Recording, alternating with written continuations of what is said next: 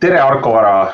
fännid ja kinnisvaraturu huvilised. täna võtame kokku märtsikuu, kuigi juba on kahekümne teine aprill, on hea tagasi vaadata, mis toimus märtsi kinnisvaraturul. ja täna on teiega äh, meie Arko Vara kinnisvarabüroo kutseline hindaja ja analüütik Mihkel Heliste. tere hommikust, Mihkel. tere hommikust. ja mina olen Elari Tamm, Arko Vara kinnisvarabüroo tegevjuht ja partner ähm, kui te soovite tellida meie turuülevaadet, siis tegelikult see on ka täiesti võimalik, kui te lähete täna argovara.ee kaldkriips äh,, argovara.ee uudised, siis seal all on ka link, ma usun, et äh, mõni abiline varsti paneb ka meile selle lingi sinna alla siis saate äh, selle, selle turuülevaatega tellida. aga räägime täna märtsikuu kinnisvaraturust, õigemini võtame selle kokku, see on juba möödas äh, ja äh,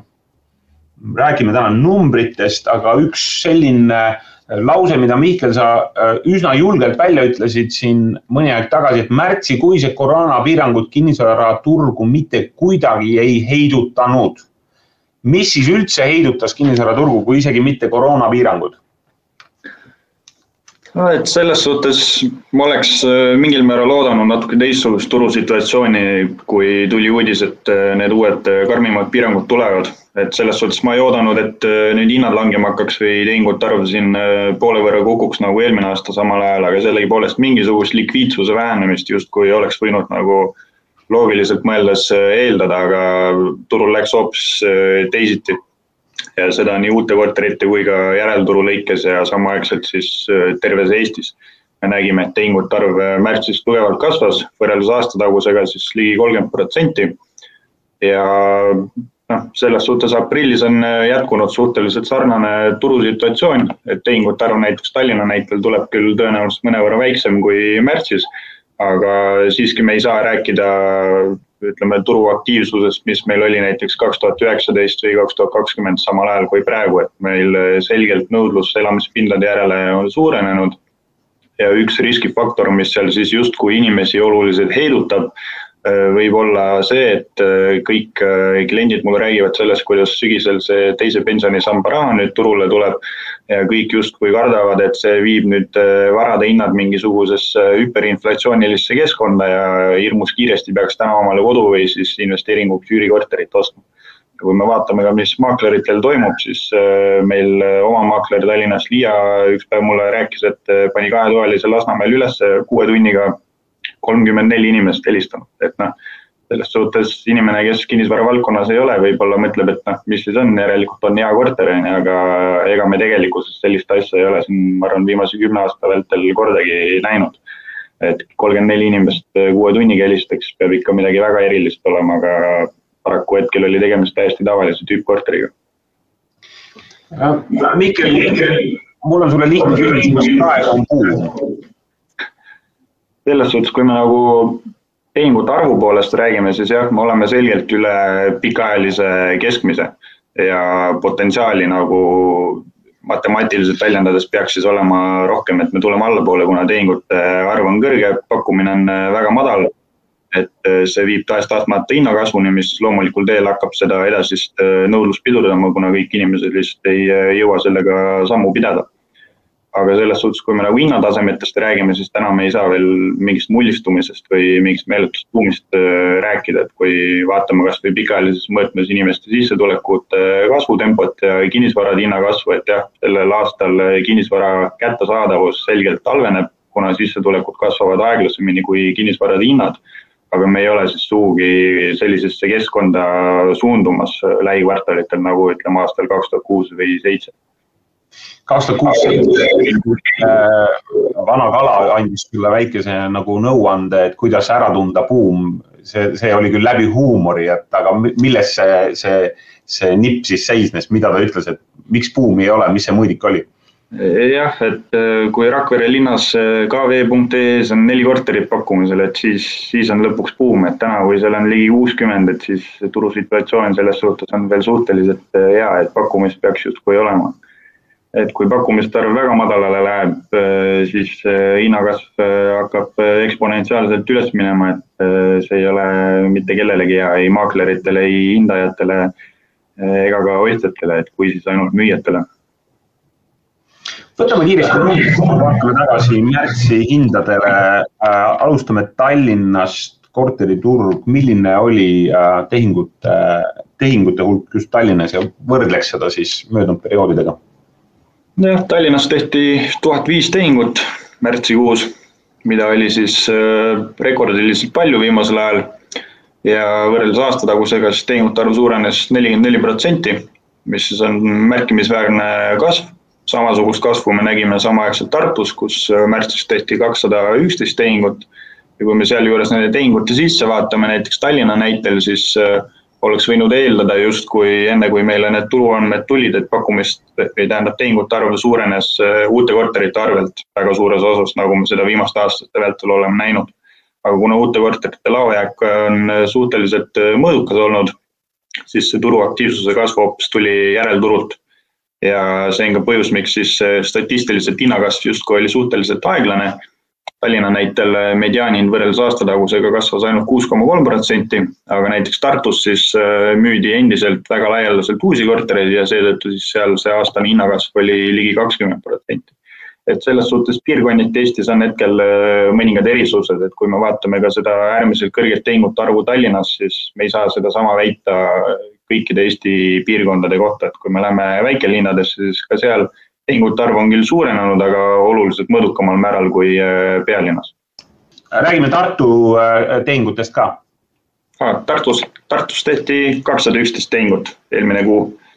ja seda oli enam-vähem sama palju protsentuaalselt rohkem kui Tallinnas, ehk siis nelikümmend neli protsenti. et selles suhtes Tartus äh, ütleme, turg on samuti väga, väga aktiivne, ütleks, et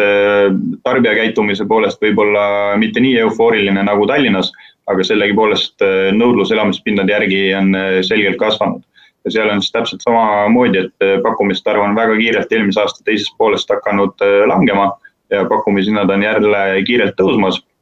ja sealjuures siis huvi nii omakasutuse eesmärgil ehk siis kodu soetamise eesmärgil kui ka investeeringuteks on selgelt suurenenud, olenemata sellest, et meil on siin koroonapiirangud, tudengid on kodus, ühikad on tühjad et see kedagi justkui ei heiduta, et äh, võiks justkui väita, et turg arvab, et see üürituru madalseis äh, taastub suhteliselt kiiresti. Et äh, ma ei saaks küll sellega nii-öelda nõustuda, et see siin lähikvartalitel juhtub, aga ütleme, kahe aasta vältel tõenäoliselt me peaksime nägema mingisugust olulist positiivset muutust üüriturul just pakkumiste arvu languse ja üürihindade kasvu osas. okei okay,, nii et Tallinnas nelikümmend neli protsenti rohkem võrreldes siis äh, aastataguse märtsikuuga ja Tartus kakssada üksteist, mis on sisuliselt ka nelikümmend neli protsenti rohkem. ja sul on veel Pärnu numbrid ka, mida, mis Pärnu kinnisvaraturul toimus märtsis? jah, Pärnus tehti üheksakümmend viis tehingut, mida oli siis kolmteist protsenti rohkem kui aasta tagasi, mis siis äh, ilmestabki seda, et äh, väljaspool Tallinnat, Tartut need muutused äh, märtsi vältel olid natuke tagasihoidlikumad, aga siiski turg selgelt üle-eestiliselt näitas kasvu mm. -hmm. nii et on näha, et tegelikult see eelmise aasta piirangud ja seesama koroonašokk tegelikult, mis tõmbas siis tehingute arvu aktiivsuse alla, on, on selle aasta piirangute, ütleme siis raames tõepoolest, nii nagu sa ütlesid, et need ei heidutanud äh, kinnisvaraturgu sellisel, sellisel viisil äh, nagu, nagu eelmine aasta. räägime äh, pisut arendusturust ka, et äh, arendus, kinnisvaraarendus on peamiselt siis jagunenud kahe suurema linna vahel loomulikult, see on Tallinna ja,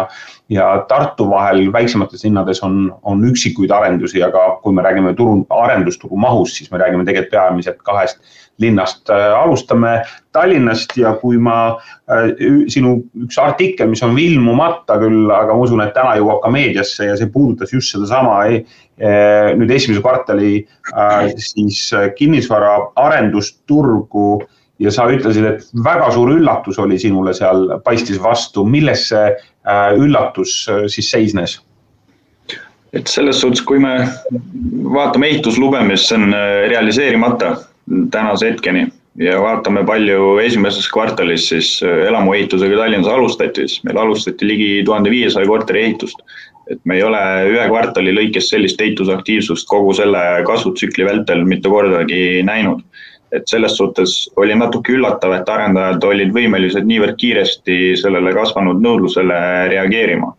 et äh, see, et nüüd teises kvartalis ehitusaktiivsus oleks tugevalt suurenenud, see oleks olnud justkui ootuspärane, aga et nad julgesid seda juba teha nii jaanuari, veebruari kui ka märtsi vältel. et see oli natuke üllatuslik, et selles suhtes, kui me läheme aasta algusesse tagasi, siis see turusituatsioon ei olnud veel selline, nagu ta on nüüd olnud märtsis või aprilli alguses et selles suhtes äh, üsna hästi on ajastatud kõikide nende ehitusprojektide alustamine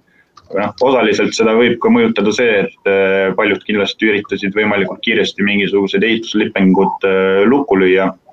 mis on ka meediast juba siin üsna palju läbi käinud, et nii puid kui metalltoodete ja materjalide osas siis hinnakasv on suhteliselt tempokas. Aastases lõikes saame rääkida vähemalt kolmekümne protsendilistest kasvudest, nii näiteks terase kui äh, puitmaterjalide turu osas, et see puudutab ka meie endi ehituspoode siin, et nii puitkiudplaadid kui igasugune vineer on äh, suhteliselt nõutud kaup ja seda ka samaaegselt globaalselt. Igal pool on nii-öelda mingisugused tõrked sellest, mis koroonapiirangutest eelmine aasta tuli, et kui tehased seisma pandi või laojääki üsna kiirelt vähendati seetõttu, et nõudlus vähenes, siis pärast, kui nõudlus tugevalt kasvama hakkas, seda tootmist ei suudeta nii kiiresti käima panna lihtsalt, et täna meil nõudlus on ka elektroonikakomponentide turul niivõrd suur, et džippe äh, näiteks ei ole, et see puudutab äh, palju valdkondi lisaks kinnisvarale. Aga nüüd küsimus on selles, et kas seda tooraine hindade kasvu üritatakse tarbijatele üle suunata, siis noh, tõenäoliselt vastus on jah. mis siis tähendab seda, et uued korterid, mis turule tulevad, on tõenäoliselt üha enam kallimad kui need, mis olid enne ja omakorda see puudutab siis ka magalapiirkondade kortereid, kus siis nii-öelda nende korterite flipijad ehk siis, kes äh, neid kortereid korda teevad, edasi müüvad.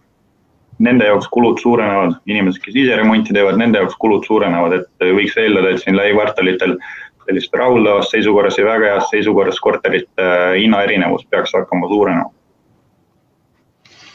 eile just rääkisin ühe arendajaga, kes ütles, et äh, äh, eesmärk oli arendada ühte spordikompleksi ja mm. seal oli küsimus, kas teha terasest või puidust või millest need fermid olid ja siis püüti siis optimeerida ja siis, kui tuli vastus, et et metalli hind on nii tohutul hulgal kasvanud, siis äh, oli taaskord nagu vastus seal, et tegelikult ehitushind äh, on tegemas äh, kasvu. ehk siis me oleme nägemas järgmise ütleme siis järgmise, võib-olla siis nimetame kvartalite jooksul tegelikult väga selgelt ehitushinna ja siis ka ehit-, kinnisvara hindade jätkuvat kasvu ja et kui me vaatame, kuidas siit koroonakriisist nüüd äh, valitsused välja üritavad tulla nii Eestis kui väljaspool seda, siis noh, infrastruktuuriprojektide algatamine on niisugune suhteliselt tavapärane protsess, et selle najal tõuseb skp on ju, see on tööjõumahukas, selle arvates tööpuudus saab väheneda, et kõigile justkui positiivne, aga kui me vaatame, palju Eestis neid projekte siin on, on ju, siis meil on äh, neljarealiste teede arendamine justkui pipeline'is on ju, siis äh, Rail Baltic, igasugused hoonearendused on ju, nüüd erasektori tellimuste maht hakkab jälle tõusma, et selles suhtes äh, ehitussektor võib siin selgelt üle kuumeneda lähiaastatel. ja see viib siis nii palgakasvuni kui ka ehitushinna kasvuni, mis tarbijatele tuleb kuidagi üle anda, et selles suhtes kes täna nagu uut korterit tahab osta, siis noh, valik on suhteliselt piiratud, aga võib eeldada, et needsamad korterid siin aasta-kahe pärast maksavad äh, tunduvalt rohkem. Kui me vaatame ka uute korterite hinnakasvu ainuüksi selle aasta esimeses kvartalis, siis siin sõltuvalt projektist keskeltläbi Harjumaa näitel see oli kümme protsenti.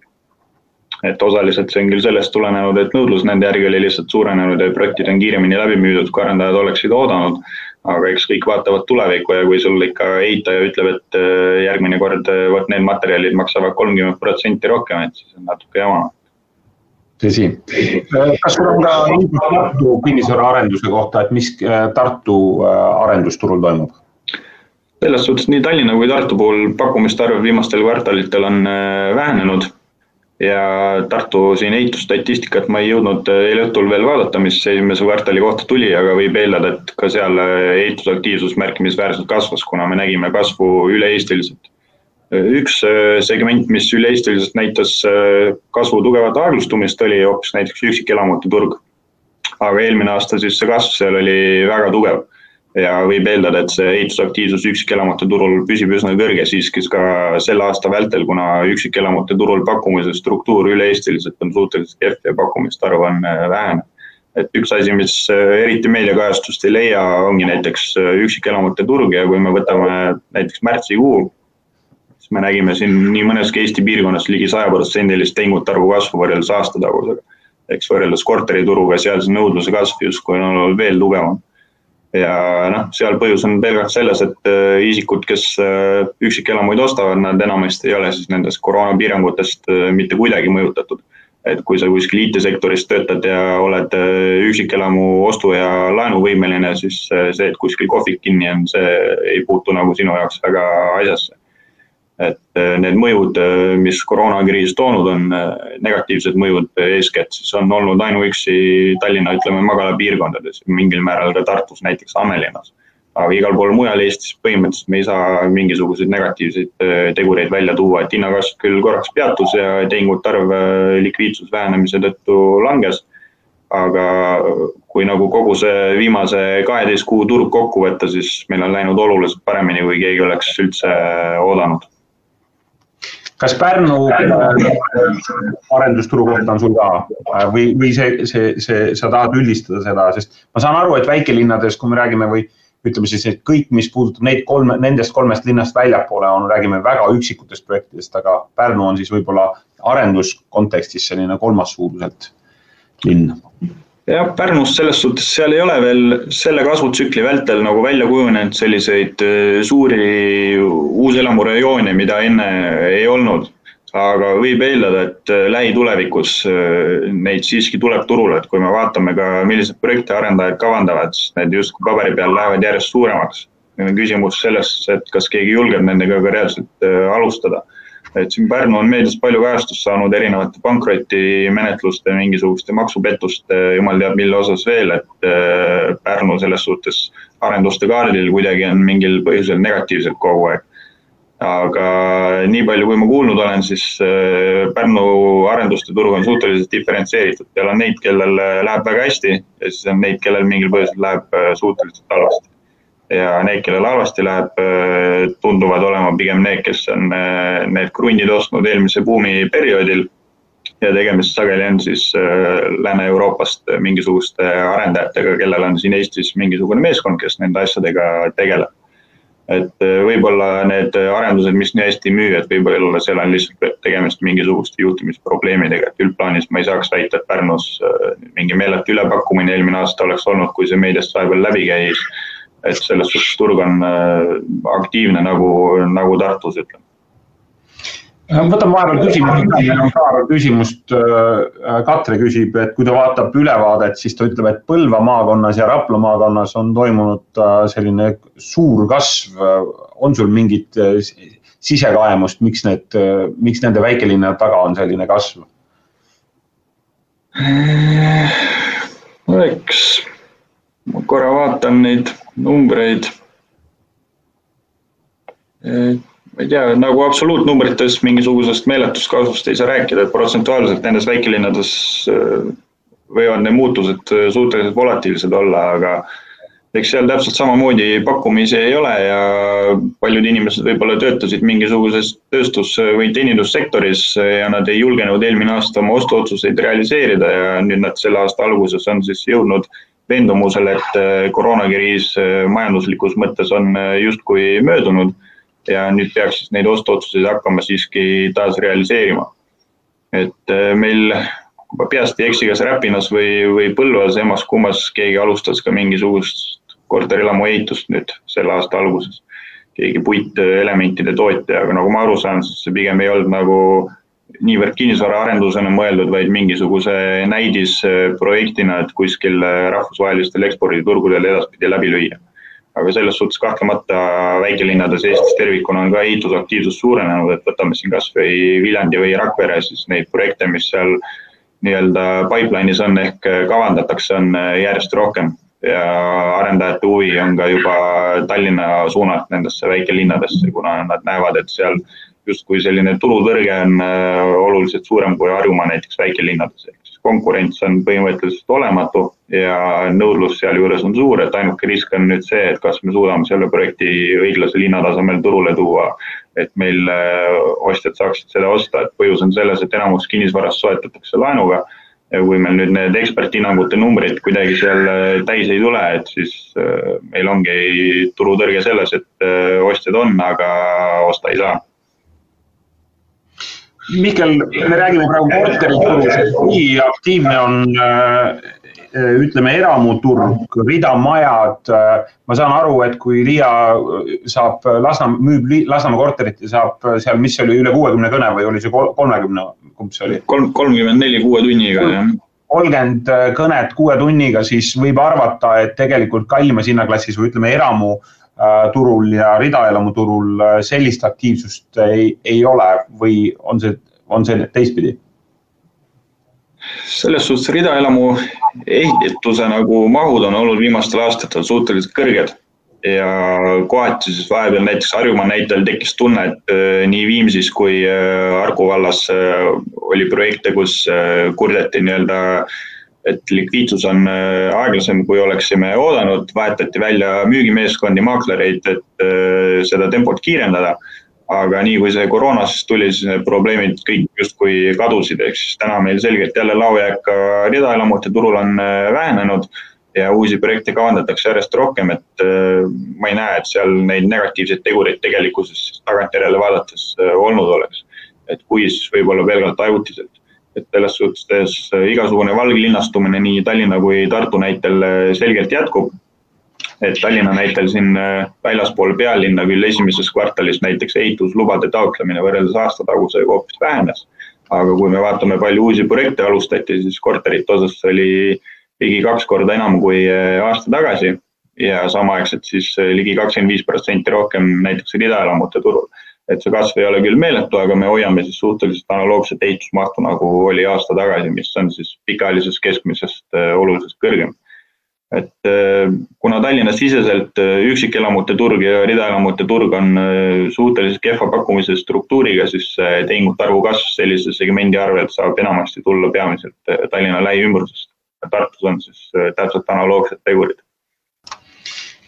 räägime pisut ka üüriturust laiemalt. sa ütled oma lühituruülevaates, et ainukesed turuaktiivsed sust tagasihoidvad tegurid on täna sisuliselt asjaolud, et nooremapoolsete koduostjate, eas olevate ja sinna jõudvate leibkondade juurdekasv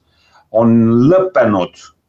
ja sa näed, et pikaajalise üüriturul on konkurents jätkuvalt väga tihe, äh, mis võib lausa hoida üüriinvestorit äh, tagasi äh, uute siis ütleme siis nagu üüri, üüriinvesteeringute näol või kinnisvarasse investeeringute näol. põhjenda või selgita natuke seda, seda tausta, et miks sa nii arvad ja et selles suhtes, kui me vaatame, kes nagu üüriturule täna siirduma peaksid, siis äh, demograafilistest teguritest tulenevalt neid on oluliselt vähem kui siin äh, varasematel perioodidel, pelgalt selle tõttu, et meil allveerevolutsiooni perioodil sündimus oli Eestis äh, ajalooliselt kõrge, mille järgselt siis tuli taasiseseisvumine, kus majanduslik ja sotsiaalne olustik oli suhteliselt negatiivne ja siis kestis kogu üheksakümnendate vältel sisuliselt ja siis kahe tuhandete Eh, alguses globaalselt tuli juba uus kriis ja noh, peale seda siis Eesti kinnisvaraturg alles aastal kaks tuhat neli põhimõtteliselt sai eh, alguse. et needsamad demograafilised tegurid, mis siis tänaseks juba kümneid aastaid tagasi olid, hakkavad kinnisvaraturgu alles nüüd mõjutama, kuna needsamad isikud, kes tol perioodil sündisid, hakkavad siirduma üüriturule ja ostu-müügitehingute turule. et me oleme viimastel aastatel enne koroonakriisi juba täheldanud nii Tallinnas kui Tartus, et järelturutehingute arv ei olnud mingisugust kasvu tegelikult juba aastast kaks tuhat viisteist äh, näidanud. ehk siis sellist äh, juurdekasvu leibkondade osas, kes siis peaksid vanemate juurest ära kolima või kuskile teise linna minema ja seal elamispinna ostma või seda üürima, et äh, see kasv oli oluliselt aeglustunud ja mõnes piirkonnas juba lõppenud. mida selgitab ka näiteks Eesti väikelinnade jätkuv nii-öelda vähenev elanike arv et äh, kui me vaatame nüüd aastaid edasi, et mis toimub näiteks äh, üüriturul kaks tuhat kakskümmend kaks või kakskümmend kolm või kakskümmend neli ja ostu-müügitehingute turul täpselt samamoodi, siis nendest demograafilistest näitajatest tulenevalt üle-eestiliselt me mingisugust äh, meeletut elamispindade tehingute arvu kasvu justkui ei saa prognoosida. et see, et üürikorteritesse investeerimine nüüd lähiaastatel tugevalt Tallinnas jätkub, see saab kahtlemata olema, aga see tähendab siis seda, et üüritootlused surutakse alla ja institutsionaalset kapitali turule tuleb järjest rohkem. osaliselt koroonakriis on seda võimendanud, kuna investeeringud täna näiteks kaubandus- või teeninduspindadesse on kõige viimased, mida üldse kaalutakse. et kui me vaatame nüüd ärikinnisvaraga laiemalt natuke, et võtame viimaste kuude kaubandus- ja teeninduspindade finantseerimisse, siis see on suhteliselt olematu võrreldes äh, aastaga kaks tuhat üheksateist või kakskümmend, kaks tuhat kakskümmend algusega. Aga kui me vaatame näiteks büroopindu või vaatame, palju üürikortereid soetatakse, siis need numbrid on äh, suhteliselt samaväärsed või periooditi kõrgemad kui enne koroonakriisi. ja täpselt sama on siis äh, logistikasektoris, mis siis sisuliselt on kõige koroonakindlam ja kuhu ka siis institutsionaalne kapital viimastel kuudel on äh, arvestataval määral sisse voolanud ja ka üldiselt turul näeme, et rahvusvahelised investorid Baltikumi turule soovivad üha enam siseneda. Kui me räägime lihtsalt ka Tartu, Tartu on olnud väga, väga aktiivne üürituru, ütleme siis keskus, täna üliõpilased on suures osas kodus või, või, või siis jah, ja, ja üürid, milline on see Tartu üürituru praegune seis? selles suhtes pakkumiste arvu, ütleme muutuste poolest viimastel kuudel on olnud suhteliselt analoogne nagu Tallinnas, ehk siis pakkumiste arv üüriturul ei ole enam kasvanud, ta ei ole ka märkimisväärselt allapoole tulnud. Aga üürihindade langus sealjuures siis on selgelt juba rohkem kui pool aastat tagasi lõppenud. aga üürihindade kasv samaaegselt meil viimastel kuudel on olnud siiski suhteliselt mõõdukas, et äh, pigem me näeme siin äh, võib-olla kahe kuni nelja protsendilist hinnakasvu sõltuvalt korteri suurusest ja asukohast, aga mis nüüd ütleme, üürituru paranemist äh, soodustab viimastel kuudel, on selgelt see, et me tõenäoliselt hakkame nägema olukorda, kus ostu-müügitehingute turul hinnakasv on täna kiirenenud. Ja kui me võtame siia juurde kõik majanduslikud tegurid, et meil koroonapiirangud hakkavad järk-järgult kaduma, majandusaktiivsus hakkab kasvama, tööpuudus hakkab langema Tallinna elanike arv näiteks aasta algusest on igakuiselt vähenenud pelgalt seetõttu, et teenindussektoris töötavad isikud on Tallinnast lahkunud nüüd, kui äh, teenindussektor taas nii-öelda kasvama hakkab, siis nad tulevad kõik Tallinnasse tagasi, neil on vaja kõigil mingisugust elamispinda üürida. Meil hakkab välisturism aeglaselt taastuma, ehk siis osa kortereid läheb tagasi lühiajalise majutuse turule. ja lisaks, kui me võtame sinna kõrvale ka selle, et äh, paljude jaoks kinnisvarade hinnakasv on nii kiire, et see läheb nende rahakotist eest ära, neil ei jää lihtsalt muud midagi üle, nad peavad ka üüriturule minema ehk varem või hiljem see üüripakkumiste arv hakkab üsna kiirelt sealt allapoole tulema ja see suurestab omakorda ka üürihindade kasvu et see võib olla ka põhjus, miks täna neid üüriinvesteeringuid nii laialdaselt tehakse, kuna turg arvab, et see olukord, mis täna üüriturul on, et see on pelgalt ajutine. Mul on äh, ühel sõbral Tallinna kesklinnas üürikorter, mis on juba päris mitu kuud olnud tühi. Äh, vara väärt, vara on ilus, korter on ilus, aga, aga keda pole, on üürnikud. ma saan aru, et tegelikult äh, hetkel on ka olnud surve tegelikult vähemalt Tallinnas üürihindade langusele ja see ei ole mitte nüüd, aga see on juba viimased, viimane aasta sisuliselt. Jah, üürihindade langus selles suhtes leidis valdavas osas aset äh, ikkagi eelmise aasta ütleme kevadest kuni võib-olla suve keskpaigani või suve lõpuni. Sõltuvalt seal piirkonnast ja korteri suurusest, tubade arvust, see oli seal ütleme keskeltläbi kümme kuni viisteist protsenti. Et äh, seal oli ka muidugi ekstreemsemaid näiteid, et kui me läheme näiteks vanalinna, siis äh, väga palju kortereid seal oli lühiajalise majutuse turul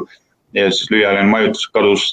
seal piirkonnas põhimõtteliselt täiesti ära, neil ei jäänud muud midagi üle, kui nende samade korteritega pikaajalisele üüriturule minna. kui me neid üürihindu pärast seal võrdlesime analoogsete varadega, mis anti üürile näiteks kaks tuhat üheksateist, siis need üürihinnad võisid seal kuni poole võrra madalamad olla, et selles suhtes kes täna nagu üürikorteri omanik kuskil vanalinnas on, siis äh, tasuks sellest üürnikust nagu kinni hoida, kes seal täna vähegi on ja seda on ka turul täheldada, et üürnikud julgevad äh, endiselt üürihinda alla küsida, kui nad saavad aru, et äh, omaniku jaoks olukord on ikkagi täbar. arusaadav. meie Facebooki üks vaataja Tarmo praegu ostetav kinnisvara, korterid Tallinnas on mõeldud eeskätt elamiseks, väljaüürimiseks või kombinatsioon eelnevast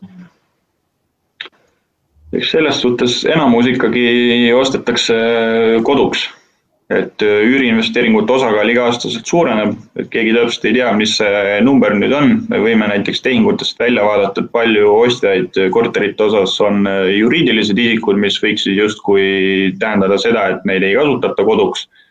Et siis see osakaal on siin iga-aastaselt äh, pikemas vaates kasvamas, täna me oleme seal kusagil kahekümne, kahekümne viie protsendi juures maksimaalselt et võib eeldada, et lähitulevikus see jätkub kasvamist, mis siis kasvõi näiteks Lääne-Euroopa riikidega võrreldes on täiesti tavapärane, et mida kõrgemaks kinnisvarade hinnad lähevad, vähem kättesaadavaks elamispinnad inimestele muutuvad, seda suuremaks üüriturg kasvab. Ähm,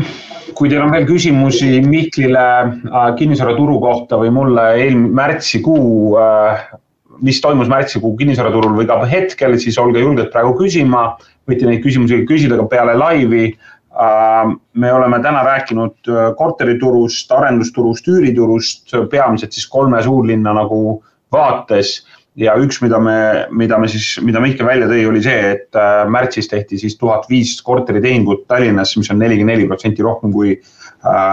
siis eelmine aasta samal ajal. Tartus kakssada üksteist, mis on samamoodi nelikümmend neli protsenti rohkem ja kolmteist protsenti rohkem, äh, üheksakümmend viie tehinguga oli Pärnu äh, tehingute arv. nii et hetkel on kinnisvaraturg loomulikult aktiivne, küsisin Mihkli käest, kas täna on ka buum. vastus oli äh, äh, läbi siis ühe huumoriprisma, et kui äh, Rakveres on, oleks neli korteri pakkumist turul, et siis saab öelda juba, et tegemist on buumiga, hetkel oli kuuskümmend. Nii et, äh, et sellist buumi nagu kaks tuhat kuus, kaks tuhat seitse meil kindlasti täna kinnisvaraturul ei ole. Mihkel, võib-olla viimased mõtted veel, mis puudutab siis äh, äh, seda kuuma teist sammast ja seda äh, üle ühe miljardi eurot, euro, mis on siis täna äh, siis ütleme, Eesti majandusse tagasi tulemas. Äh, ütle ausalt, kas sa näed, et see raha mõjutab nüüd oluliselt kinnisvaratehinguid sügisel ja edaspidi? Selles suhtes ega me keegi nagu täpselt ei tea, mida see meie majandusaktiivsusega või kinnisvaraturuga rahaliste mahtude poolest nagu teeb, et kui me enne arvasime, et sealt pigem lahkuvad nii-öelda madalamalt haritud inimesed, kellel sissetulekud on väiksemad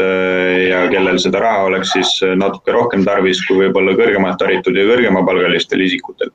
Siis täna tuleb hoopis välja, et me oleme ka selles osas eksinud, ehk siis äh, ka kõrgemapalgalised isikud arvestataval määral sealt lahkuvad. et nüüd on tehtud erinevaid küsitlusi, mille alusel siis saab justkui väita, et ligi kolmkümmend protsenti sellest kapitalist plaanitakse suunata kinnisvaraturule et nüüd on küsimus, et äh, mida selle konteksti all mõeldakse, et kas nad lähevad selle raha eest midagi ostma ja kui, kas nad teevad seda ainult omakapitali eest või äh, teevad seda koos laenurahaga. või äh, nüüd on küsimus ka selles, et kas nad mõtlevad selle all hoopis seda, et nad lähevad eluasemelaenu näiteks tagasi maksma et äh, kui me arvestame, et äh, sellest kogusummast äh, ligi kolmsada miljonit näiteks peaks elamispindade turule tulema, siis noh, kahe tuhande kahekümnenda aasta näitel see on ligi viisteist protsenti kogu elamispindade turumahust rahalise kapitali mõistes. et kui see raha peaks turule tulema, siis see tähendab märkimisväärset tehingute arvu kasvu ja seda eeskätt jällegi siis tõenäoliselt Harjumaal et äh, esialgu me oleksime arvanud, et äh, kui see raha lahkub pigem madalamapalgaliste isikute osas turult, siis nad tõenäoliselt maksavad selle eest tagasi mingisuguseid laene või siis kasutavad seda raha sissemaksuks äh, elamispinna ostmiseks näiteks Eesti väikelinnades, mis võiks mingisuguse järsu nõudluse kasvu tuua ja viib siis tehingute arvu kõrgele, pakkumiste arvu jälle alla ja siis see asi lõpeb põhimõtteliselt sama kiiresti või siis järk-järgult mingite kvartalite jooksul aga nüüd võib siis eeldada, et äh, tõenäoliselt see mõju tuleb siiski oluliselt suurem ja eeskätt äh, Harjumaal ja Tartumaal. aga kui suur mõju sellel nüüd olema saab nii tehingute arvule kui hinnakasvule, et ega me, me ei oska täna öelda, et selles suhtes osa sellest rahast on juba turule tulnud ja ma ei ole veel näiteks hindamisteenuse pakkumise osas ühtegi inimest näinud, kes mulle ütleks, et ta vot selle pensionisamba raha nüüd paneb sissemaksuks, et noh, iseasi on see, et kes seda mulle öelda tahab, kes mitte, aga ma arvan, kui see niivõrd laialdane oleks, siis ma oleksin seda juba turul täheldanud. aga meediast on juba läbi käinud, et siukseid kliente kahtlemata on et äh, jah, me ei oska öelda, me võime ainult spekuleerida täna, et äh, kindel on see, et see viib äh, tehingute arvu suurenemiseni ja hinnakasvuni, aga kui märkimisväärses mahus, et seda me ei oska täna veel öelda. selge. spekulatsioonid võetakse tavaliselt kokku sellega, et elame-näeme. midagi me täna juba näeme, mingisuguse trend, mingi trend juba kinnisvaraturul toimub. kui sa tahad neid, nende trendidest olla teadlik, siis äh, meie chatis on sulle äh, siis link liituda ka meie turuülevaate listiga, me saadame sulle alati värske turuülevaate, Mihkel koostab neid iga kuu ja iga kvartal, nii et kui sa tahad siis põhjalikumalt lugeda ütleme, kinnisvaraturgu,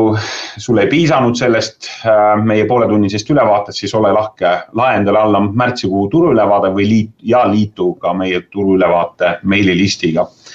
sellega sellega oleme seekord lõpetanud, suur aitäh, Mihkel, sulle selle äh, märtsikuu kokkuvõtte eest äh, ja siis ähm, oleme rääkinud sellest, et järgmine turuülevaade tuleb, äh, teeme äripindade kohta, nii et siis selle kohta jälgige infot ja soovitan siis tellida meie turuülevaate, et seal anname teile siis ka aegsasti selle kohta teada, millal me äri, äripindade kinnisvaraturust räägime. nii et suur aitäh, Mihkel, ilusat päeva sulle. aitäh, teile ka